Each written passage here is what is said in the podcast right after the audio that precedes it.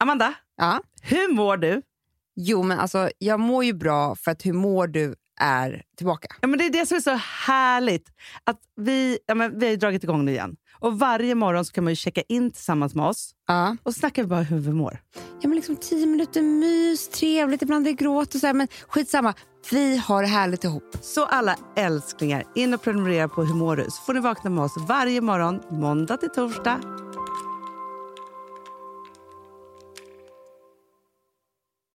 Hej och välkomna till Fredagspodden! Hallå!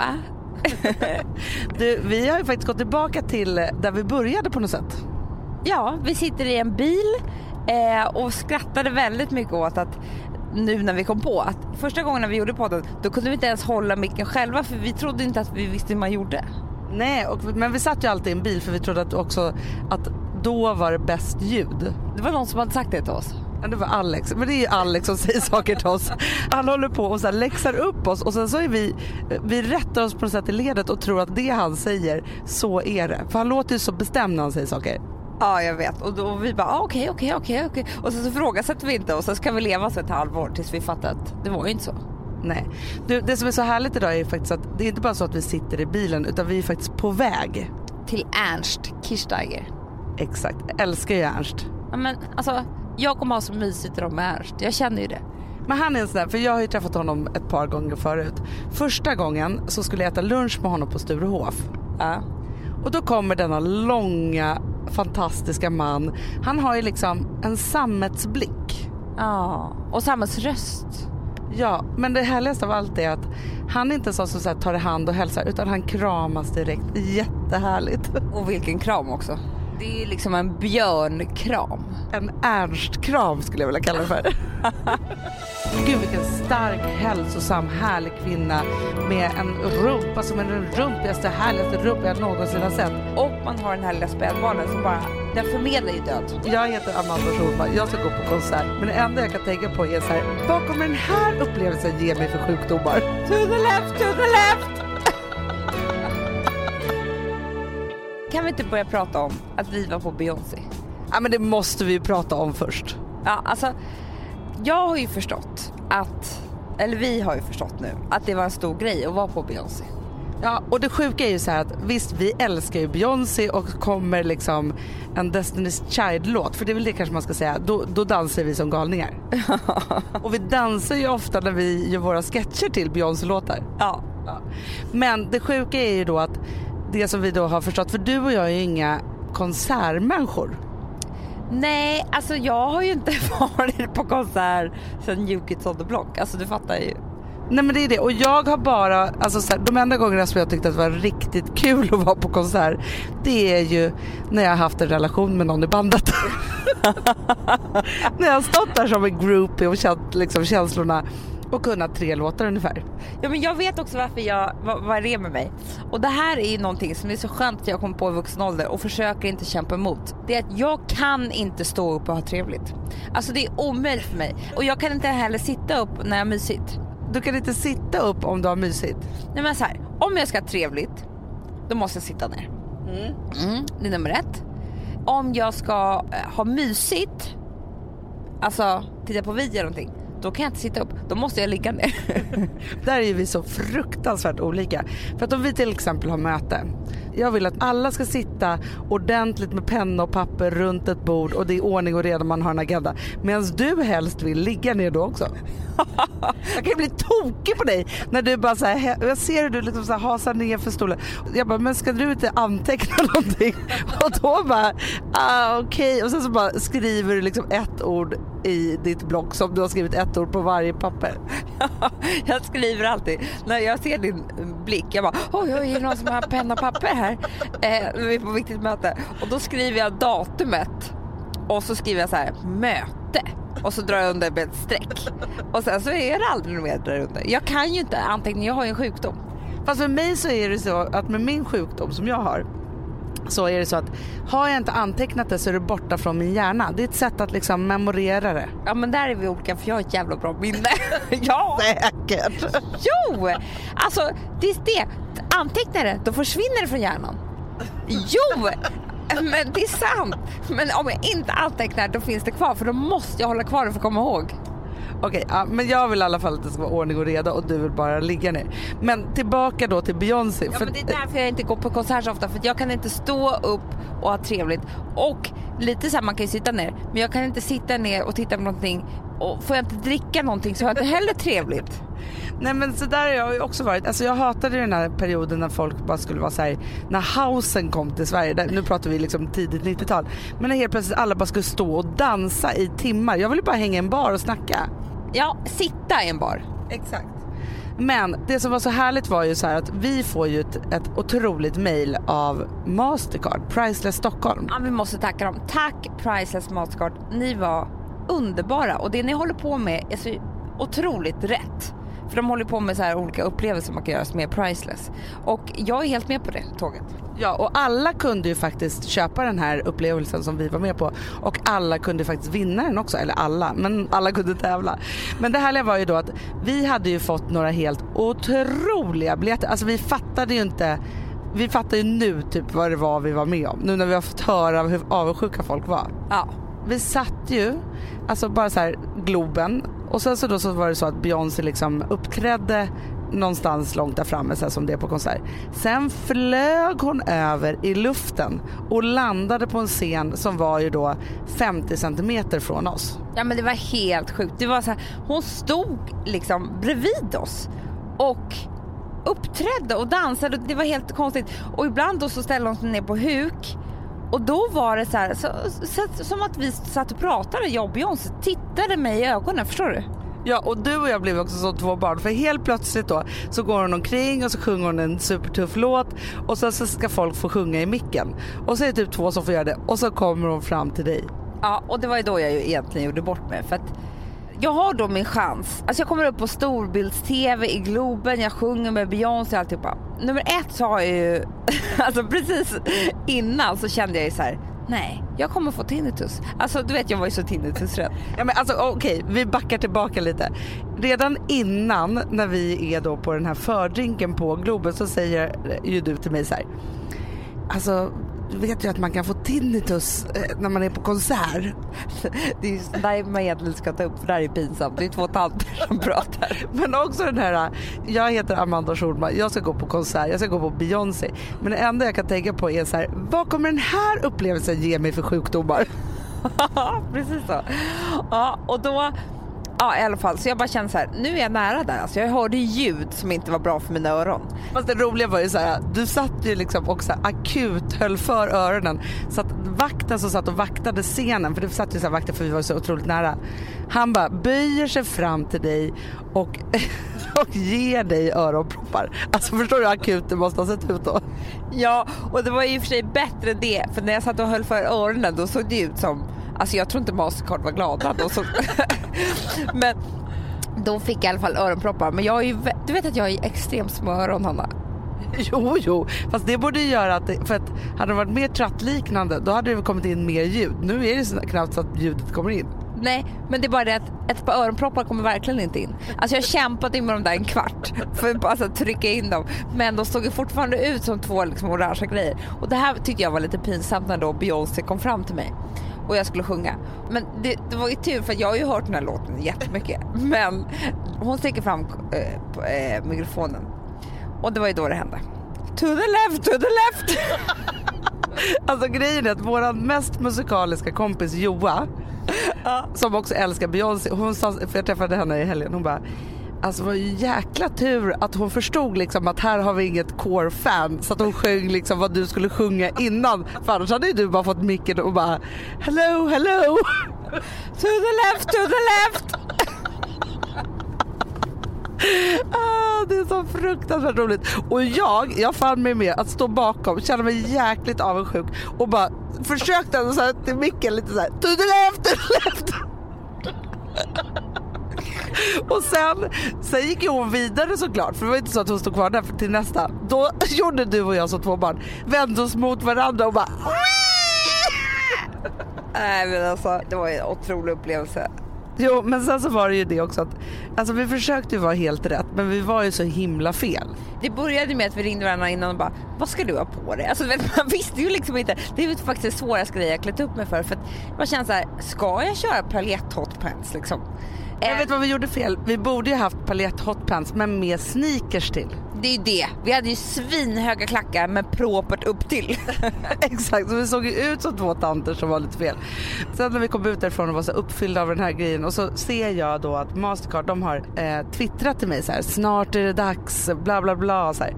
Så jag blev så himla glad så jag bara oh, gud tusen tack det var så himla härligt tillbaka och så bara vilka är det här egentligen som de har liksom tagit in i den här tweeten? Nej men då har jag också skickat tusen tack till Kinsa eller vad det heter. Alltså så här, att jag alltid gör lite fel. Det var henne. Tack Kinsa för att vi fick gå på Beyoncé-konsert. Hanna är så tacksam. Men vet du också vad jag tycker är sjukt? Hon har ju inte liksom så här retweetat tillbaka så här, gud jag tyckte också att det var kul så, här, så att vi liksom, vi gänget var där. Utan hon bara tänkte så här, den här sjuka tanten. Nu har tanta Loa gett sig på mig också tänkte hon. Hon bara, eh, 1800-talet ringde och ville ha tillbaka sin crowd. Alltså i morse när jag gick upp då tänkte jag mycket på Beyoncé. Ja. För jag tänkte att vi ska ju idag på inspelning och jag gick faktiskt upp kvart över sex i morse. Mhm. åt frukost själv, duschad och så här. För jag tänkte att det är min enda chans att jag ska kunna vara lite snygg på den här inspelningen. Som Beyoncé. Men då tänkte jag att Beyoncé skulle aldrig ha det på det här viset. Nej, men det är omöjligt. Hanna, hon har liksom, då, det kan vara så att hon har då Globen, jag vet inte hur många är, är där, kanske 15 000, som står och väntar. Alltså vi har ju Ernst absolut, men, men liksom, det funkar ju inte att det skulle gå fel för henne. Nej men det är inte så att hon precis innan hon ska liksom gå upp hastar till en dagislämning. Nej! Hon har, Svettig liksom. hon har inte dag, eller hennes barn har inte dagis, Blue Ivy. Nej men du förstår jag tänker. Jag tänker att det är så här, att även om hon hade haft samma jobb som oss i Amerikat så hade inte hon hållit på och hastat på det här viset som vi gör. Nej precis, vi försöker ju leva dubbelliv du och jag. Vi försöker vara eh, liksom så här otroliga eh, inspelnings-tv-stjärnor eh, och minuten innan så ska vi vara så här bullmamman. Och sen så tänker jag också jättemycket på hennes träning. Fy fan. Alltså, Men jag blev så inspirerad av henne så att när jag satt där då ville jag googla vad hon äter ja, jag har aldrig sett, nu ska man inte prata om kroppar på det här viset men jag vill bara säga det att jag har aldrig sett en kropp vara så snygg för att den var kurvig men tränad. Alltså förstår du? Hon var ju supertränad men hon hade ju kurvorna. Men det är det, alltså hon har ju den, den ultimata starka kroppen som inte har liksom gått över i någonting konstigt. Sen så tycker jag också så här, det som var väldigt härligt när man såg Beyoncé det var ju faktiskt att ofta när man varit på konserter så, så känner man så här, nej men den här personen är för stressad, kanske lite för mycket droger här, alltså så här, att det inte kanske är så hälsosamt och bra. Pratar du om dina gamla killar nu? Exakt, stressade och, och helt höga. Nej men nu pratar jag om så här kvinnliga artister som blir liksom för stora. ja. Hon kändes, och jag kanske har helt fel, men hon kändes så fruktansvärt hälsosam. Det och hon kändes harmonisk. Hon stod där och kunde så här, man såg då hur hon, hon kunde prata med publiken och ta in att alla var där för henne och få tårar i ögonen och så här andas och bara vad är det jag är med om? Catch the moment. Typ så kändes det, eller hur? Ja men så kändes det verkligen. Och då undrar jag så här Amanda, är det för att hon är så nära Gud? Ja, och det är det jag också ska bli. Jag kan ju tycka att det är lite fjamsigt med så här amerikaner som ska vara så här thank God hela tiden så här. Men vet du vad jag tycker är väldigt inspirerande i det som jag också ska börja med ännu mer, men som jag är ganska bra på. Mm. Det är det här med tacksamhet. Ja, och det är det som jag tror är så skönt att rikta den mot någon. Nu om det här är Gud i hennes fall, för det blir enklare så. Alltså har man någon att tacka för maten, om du har gjort jättegod mat till mig. Då kan jag ju vara såhär, men Hanna det var så gott, tack snälla, gud vad gullig du är som har lagat här till mig. Älskar att du tycker att jag är Gud som du ska tacka. Ja, för att jag kan rikta min tacksamhet mot dig. Men ska man hela tiden bara rikta den ut i universum bara, åh vad jag är tacksam, jag fick två friska barn. Det är svårt. Men kan, skulle man kunna säga då så här, tack Gud för att du gav mig två friska barn. Och liksom snacka lite med hen. Då Ja. är det enklare. Men jag tror att du har någonting på spåret där. För om man bara skulle kunna bestämma att Gud är det som man tror på utan att man behöver tro på liksom Jesus och Gud och liksom, ja men eh, allihopa. Så, hela den där gudgrejen. Ja. Men att det är liksom dit man riktar sin kärlek och sin tacksamhet för att man tror att det är därifrån man får kärleken tillbaka. Då är det ju det. Då tänker jag att då kan jag också börja använda ordet Gud. Ja, alltså jag med. Du kan ju du kan göra om solen till en person om du vill. Tack solen. Ja, eller tack universum. Men för jag brukar Men, men faktiskt det är lättare. Vet du? Det kanske är Beyoncé som ska, som ska vara min gud. Tack Beyoncé. Ja. För det finns ju någonting som kallas för the law of attraction. Ja. Som det finns en bok som heter, och det här är nu inte den här boken Hemligheter som jag brukar prata om, utan det finns en bok som heter The Secret. Mm. Hela den tron tror ju på att man ska då här, inte tänka dåliga tankar utan tänka bra tankar och man ska vara tacksam och tacka för det. För allting, Precis så tror jag att Beyoncé är. jag tror också det. För att man tror då så här, allting som man sänder iväg till universum kommer tillbaka till en. Ja. Man ska inte tänka så här, åh nej, nej, tänk om jag inte får det här jobbet, tänk om jag inte får det. Utan bara så här, tack för att jag får en möjlighet att kunna få det här jobbet som jag drömmer om. Mm. Att hela tiden vända till positiva tankar. Och då tänker jag så här att för de människorna då som har Gud att hänga upp sig på har mycket lättare att rikta den här affirmationen hela tiden och använda den dagligen för att den hela tiden finns där som ett mantra. Och det mantrat tror jag faktiskt att man mår väldigt bra av och att man behöver i sitt liv. Ja men och inte bara tacksam utan jag tror också att det är jättebra att be. Alltså nu går vi in på riktigt hardcore. För det är också att ha någon att rikta det mot. Alltså om man vill någonting väldigt, väldigt gärna. Att be till någon tror jag är helt otroligt för då har man ju uttalat det här och då har man ju sagt det högt på något vis. Men då måste man också ha någon att rikta den bönen till. Ja men vi tror ju på det verkligen att så här, allt som man säger högt blir. Ibland så händer det ju faktiskt att vi säger saker och bara nej Hanna säg inte det här högt, du vet att det händer. Men det är det liksom, det är lite så här, det finns ju så mycket sådana bra saker, så här, sägningar som så här, som du ropar får du svar. Be careful what you wish for för att man, det kommer tillbaka. Att man liksom verkligen ska ta vara på det. För att det enda som vi egentligen har, om man ska gå in på sådana saker, nu är det ytterligare en, en så här existentiell dimension. Men vi alla är ju bara energi. Ja.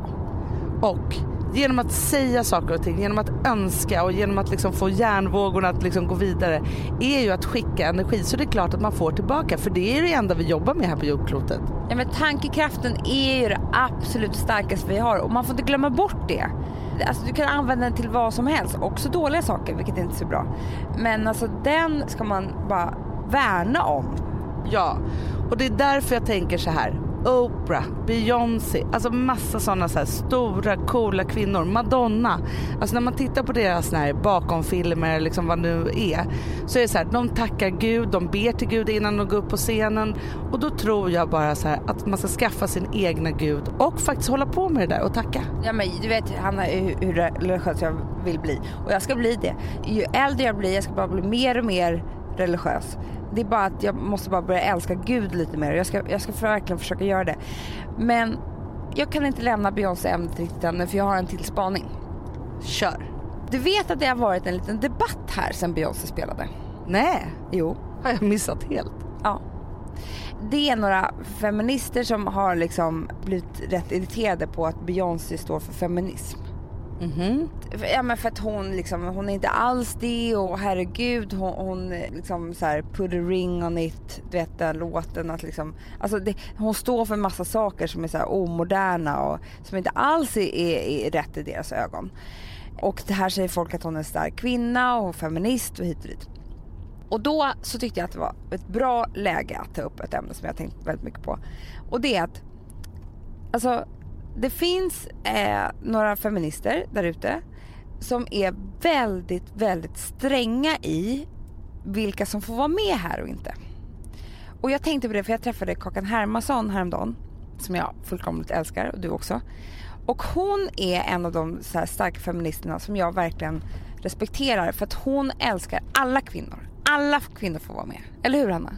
Ja men precis och det känner man ju att det är så oerhört viktigt. Ja men för man kan inte så här kalla sig feminist och sen så, så här, är man inte helt rätt feminist så får man inte riktigt vara med för mig så är det så, för jag kallar mig absolut feminist, jag har alltid gjort det. Jag jobbar och verkar för kvinnor för att kvinnor ska ha det så bra som möjligt. Sen är vi alla bara människor, ibland gör vi fel och sådana saker. Men min tanke är alltid där för liksom andra kvinnor. Och det tycker jag är att vara feminist. Och hur man än är och vad, så tycker man att det ska bli bättre för kvinnor så tycker jag att man är feminist. Men sen så finns det ju de som då ska bestämma vad feminism är. Och där, redan där tycker jag att man har fel fel. Ja och du vet ju lite hur de här tjejerna är. De är otroligt elitistiska, otroligt snobbiga i, i den mån om att så här, de har bestämt hur det är. Då får man inte liksom kanske bry sig om sitt utseende eller så här, men nagellack det är kanske okej för det har de bestämt för det är någon rolig grej eller så. Och man får inte lyssna på vilken musik man, och alltså du fattar ju då att Beyoncé passar ju absolut inte in här. Liksom en av världens vackraste kvinnor som eh, går i små hotpants och, och eh, ja men du fattar ju grejen. Men jag bara så här, tycker att det är så fel för att känslan av när man faktiskt har sett Beyoncé är att man känner sig rätt stark som kvinna. Ja men verkligen och man känner också att här är det faktiskt en kvinna som har slagit på stort, klarat av att bli en sån här stor artist och för det framåt. Och också faktiskt i allt som andades där i Globen. För det första så är hon ju med i den här organisationen som heter Chime for Change. Ja. Och den blev jag jätteinspirerad av. Sen så vet jag inte så himla mycket om den men den handlar ju om, jag tror att deras slogan är så här for justice, health and bla bla bla, e- education for every woman everywhere, någonting sånt. Och det blir jag jätteinspirerad av och då tänker jag så här, bara att man är med där och för det budskapet framåt och visar en sån film och tar tillfället i akt så fort man faktiskt har en stor publik som lyssnar att, att föra det budskapet vidare, då tycker jag att man har gjort sitt. För att jag tycker bara man bidrar så tycker jag att det är det bästa bästa. Däremot måste jag faktiskt också så här, kritisera de som ska säga så här, nej men nu så höll du på att prata om kvinnor och för kvinnors rättvisa och så vidare. Så här, men du gjorde inte det helt rätt så därför borde inte du ha gjort det. Då tänker jag så här, men vad är det för någonting? Bara vi alla bidrar så mycket vi kan, eller jag kan, hela tiden, då har man gjort nog skaka och känslan där var ju så här efter man sett Beyoncé bara så här, men gud jag vill också skaka på min rumpa. Jag är skitstolt över att vara kvinna efter att ha sett henne för jag vill vara precis som hon eller vad det nu kan vara. Det bidrar ju med att man, att man sträcker på sig och vill fightas för sina rättigheter. Men det är väl det som vi missförstår lite. Jag tycker ju att så här, utseende att vilja vara vacker och eh, att vilja liksom visa sina kurvor eller vad man nu vill och feminism hör egentligen inte ihop. Nej. Det som missförstås här är ju när vi underkastar oss det som, som då ska vara det som männen vill att vi ska vara på ett visst sätt eller inte. Ja. Och där är det verkligen så att visst det är jätte, jättegamla ideal som förs fram och visst vi är stöpta åt det hållet och så vidare. Så här. Men jag tycker ändå att man får en känsla av Beyoncé som där det lämnas kvar att man är så här Gud vilken stark, hälsosam, härlig kvinna med en rumpa som är den rumpigaste, härligaste rumpa jag någonsin har sett. Inte så många celluliter dock, men den säger ändå att man ska ha en rumpa och det tycker jag är underbart. Jag tror hon älskar cellulit 2013. Verkligen.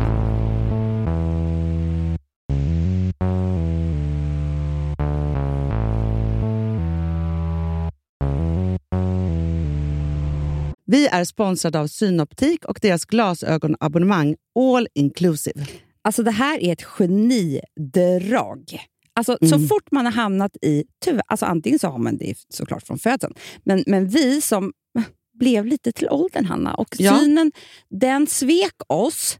Vi har nu förstått att det här med glasögon, det är inte så att det bara går att skaffa dig ett par och så har du dem for life. Utan dels så vill du ändra styrka och, och, allt möjligt, men du vill också inte bara ha, för det här är ju liksom en del av hela din outfit. Du vill väl ha olika bågar? Nej, men så här, och Då har de skapat det här Synoptik All Inclusive. Och Fördelen då med det, Amanda, det är att du får byta ut ett par glasögon per år. Mm. Så. Och Sen så är det ju då att de har ett otroligt utbud. Mm. Alltså så, det är ju liksom... Men, man vill ju ha det allra senaste. Ja, alltså, förstår du? Och det och man är snygg i och alltihopa. vill ha? Solglasögon med styrka. Ja, så är det. Och sen så också är det ju supersnyggt med tonade glas. Det har inte jag börjat med än. Men är det kommer. det som kallas dynamiska glas? Exakt, som så färgskiftar. Det är jätte jättesnyggt. Ja. Allt är inkluderat i en fast månadskostnad. Och Det är från 90 kronor i månaden och inga oförutsägbara kostnader. Och de har ju, alltså det fina med Synoptik det är att de har ett jättestort utbud av solglasögon från massa bra märken. Alltså Ray-Ban, klassiker, Bottega Mm. Veneta, Miu Miu, Prada, Tom Ford, Persol. Alltså så. Och de har ju också superfina vanliga glasögon, linser, allt De du har behöver. allting. Alltså, Hörrni, ni måste gå in och läsa om det här på synoptik.se. Men till det allra viktigaste. För dessutom så får ni nu alltså 30% på alla glasögon och solglasögon om du tecknar ett Synoptik All Inclusive. Så läs mer och boka tid på synoptik.se. Vi har ett betalt samarbete med Syn nikotinpåsar. Det här meddelandet riktar sig till dig som är över 25 år och redan använder nikotinprodukter. Syn innehåller nikotin som är ett mycket beroendeframkallande ämne. Syn kommer i olika smaker, styrkor och format.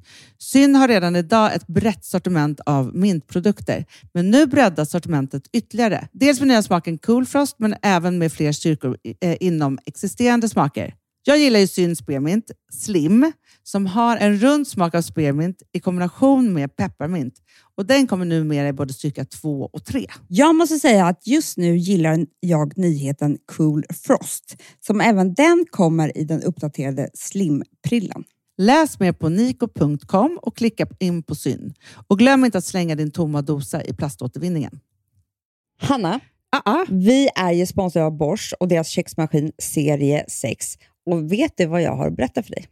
Nej. Den har nu fått följa med mig hit till Gotland. Du, Vi har rest hit tillsammans jag har också och jag är min här. jätteglad för min Vi kan ha sånt där battle med Bosch. Ja, men Vem jag som tänkte så här, först var jag så här, jag har ju haft en stan, och sen bara, men nu börjar sommarsäsongen.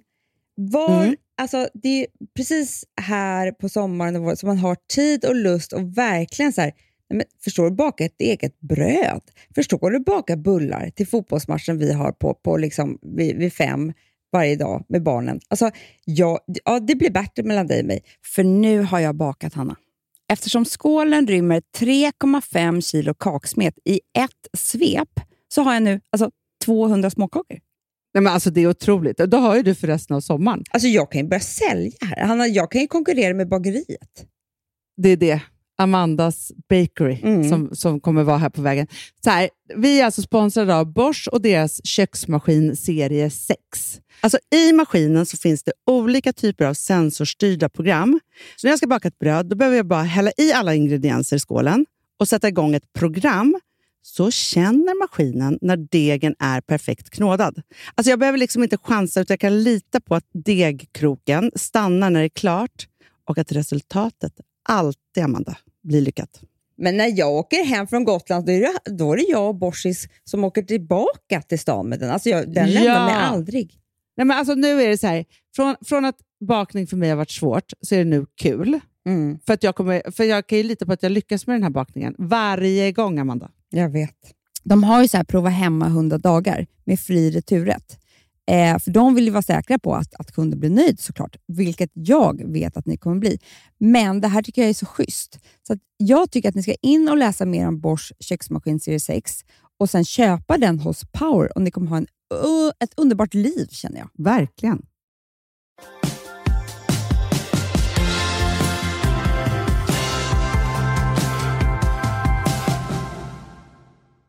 Den här helgen som gick så var jag så fruktansvärt trött. Ja. Jag var så trött så att jag var hes och trött. Jag blir så här hes, jag blir eh, ja, eh, liksom lite utom kontroll när jag blir trött. Och jag fungerar ju väldigt bra. Jag har hittat massa nycklar till att vara liksom, ja, men till ett välmående. Att så här, ja, men så här, som mitt sätt att må bra på. Och jag har Jag, säga, jag fungerar ju väldigt bra. Ja, men jag gör ju faktiskt det. Men så här, och då- pratar jag om så här, jag kan gå upp på morgonen, eh, inte känna ångest. Jag har liksom mallat in mitt liv så att jag faktiskt kan fungera. Ja, det är underbart. Men det är det jag ska komma till Amanda. Och det här har jag faktiskt aldrig tänkt på förut. När jag är för trött, det är då jag inte fungerar. Då faller jag ur. Det är samma för mig, Hanna. det är klart att det är. Det är därför jag måste sova så himla mycket. Ja men jag förstår det och jag tänker också så här, när en av mina andliga vägledare och min, vår spåtant Katarina Mm. hon sa alltid till mig när jag var yngre så var hon så här, när hon märkte på mig när hon träffade mig att jag kanske mådde lite dåligt så var hon så här ta insomningstabletter, alltså såna här eh, alltså hälsokost insomningstabletter. För det viktigaste, viktigaste nu det är att du sover i alla fall. Aha. Och då förstår jag det också för att nu för tiden så har jag massa, efter man har barn och man liksom har andra sorts tider så är det inte så att jag tänker så himla mycket på sömnen. Fast jag tänker på det med alla småbarnsmammor som inte får sova så mycket. Mm. Att det är klart att det kan skapa jättemycket ångest. För att nu då när jag eh, var så här trött så är det så att ett så tappar jag helt kontrollen över min mat. Ja, jag vet. Det, det är faktiskt det första som händer. Man bara så här, jag måste ha godis, jag måste, ha, jag måste bara äta för att man är så himla trött. Och det mår man inte heller så bra av. Nej det blir en väldigt väldigt ond cirkel för att det där sockret gör ju att man sover ännu sämre och man liksom så här, men jag bara så här proppar i mig för att jag på något sätt så här, som att jag själv medicinerar mig och tror att det är det enda som ska hålla mig levande. Ja. Sen så får jag ju då ångest och jag har ju inte samma hypokondri som du har Nej, men när jag är trött. då får du det.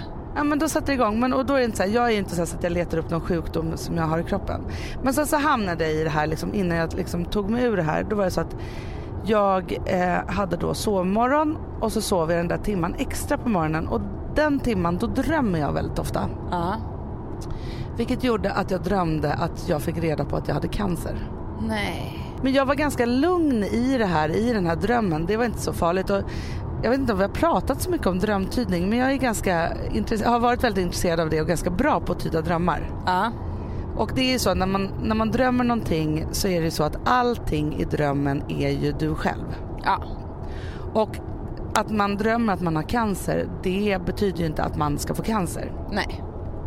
Så jag förstår ju bara liksom så här, om jag ska då gå till kärnan i min dröm så är ju då den här cancern är jag och det är någonting som har tagit sig in i min kropp som jag inte mår så bra av. Nej. Så. Och så måste man komma till kärnan i vad det är och så. Men det som hände med mig då efter och i min hypokondri det är så att jag blir aldrig så rädd för att jag skulle vara sjuk. Men jag, i min hypokondri så handlar det väldigt mycket om att jag kan bli hypokondrisk med mina barn men också om så här, om det händer mig någonting vad som skulle kunna hända med mina barn. Ja. Och just nu ser jag en sån här situation, då var jag så här, jag tänkte då på så här, men vad skulle hända om jag skulle få cancer och jag skulle dö och så här. Och så tänker jag så här, men Gustav och Vilma, ja men de kommer klara sig jättebra. Mm. Och det är nu som blir så gråtigt. men jag, just nu så är det så här, jag har ju min fina fina tioåring som är ganska stökig just nu och hon liksom, ja men hon, hon mår inte jätte, jättebra. Nej. Eh, hon mår väl grund och botten bra men det är massa stök i hennes liksom så. Och då tänkte jag så här att det går inte att jag dör för att hon kommer inte klara sig. Jo, Hanna. För då skulle jag ta henne under mina vingar. Jag vet men förstår du hon skulle bli sån en sån, eh, för Vilma har så mycket liksom med sin pappa och så. Rosa har också en pappa som liksom är helt okej men där det finns en annan familj och det finns liksom massa sådana saker. Och då kände jag bara att hennes livshistoria skulle bli så, hon skulle såklart klara sig.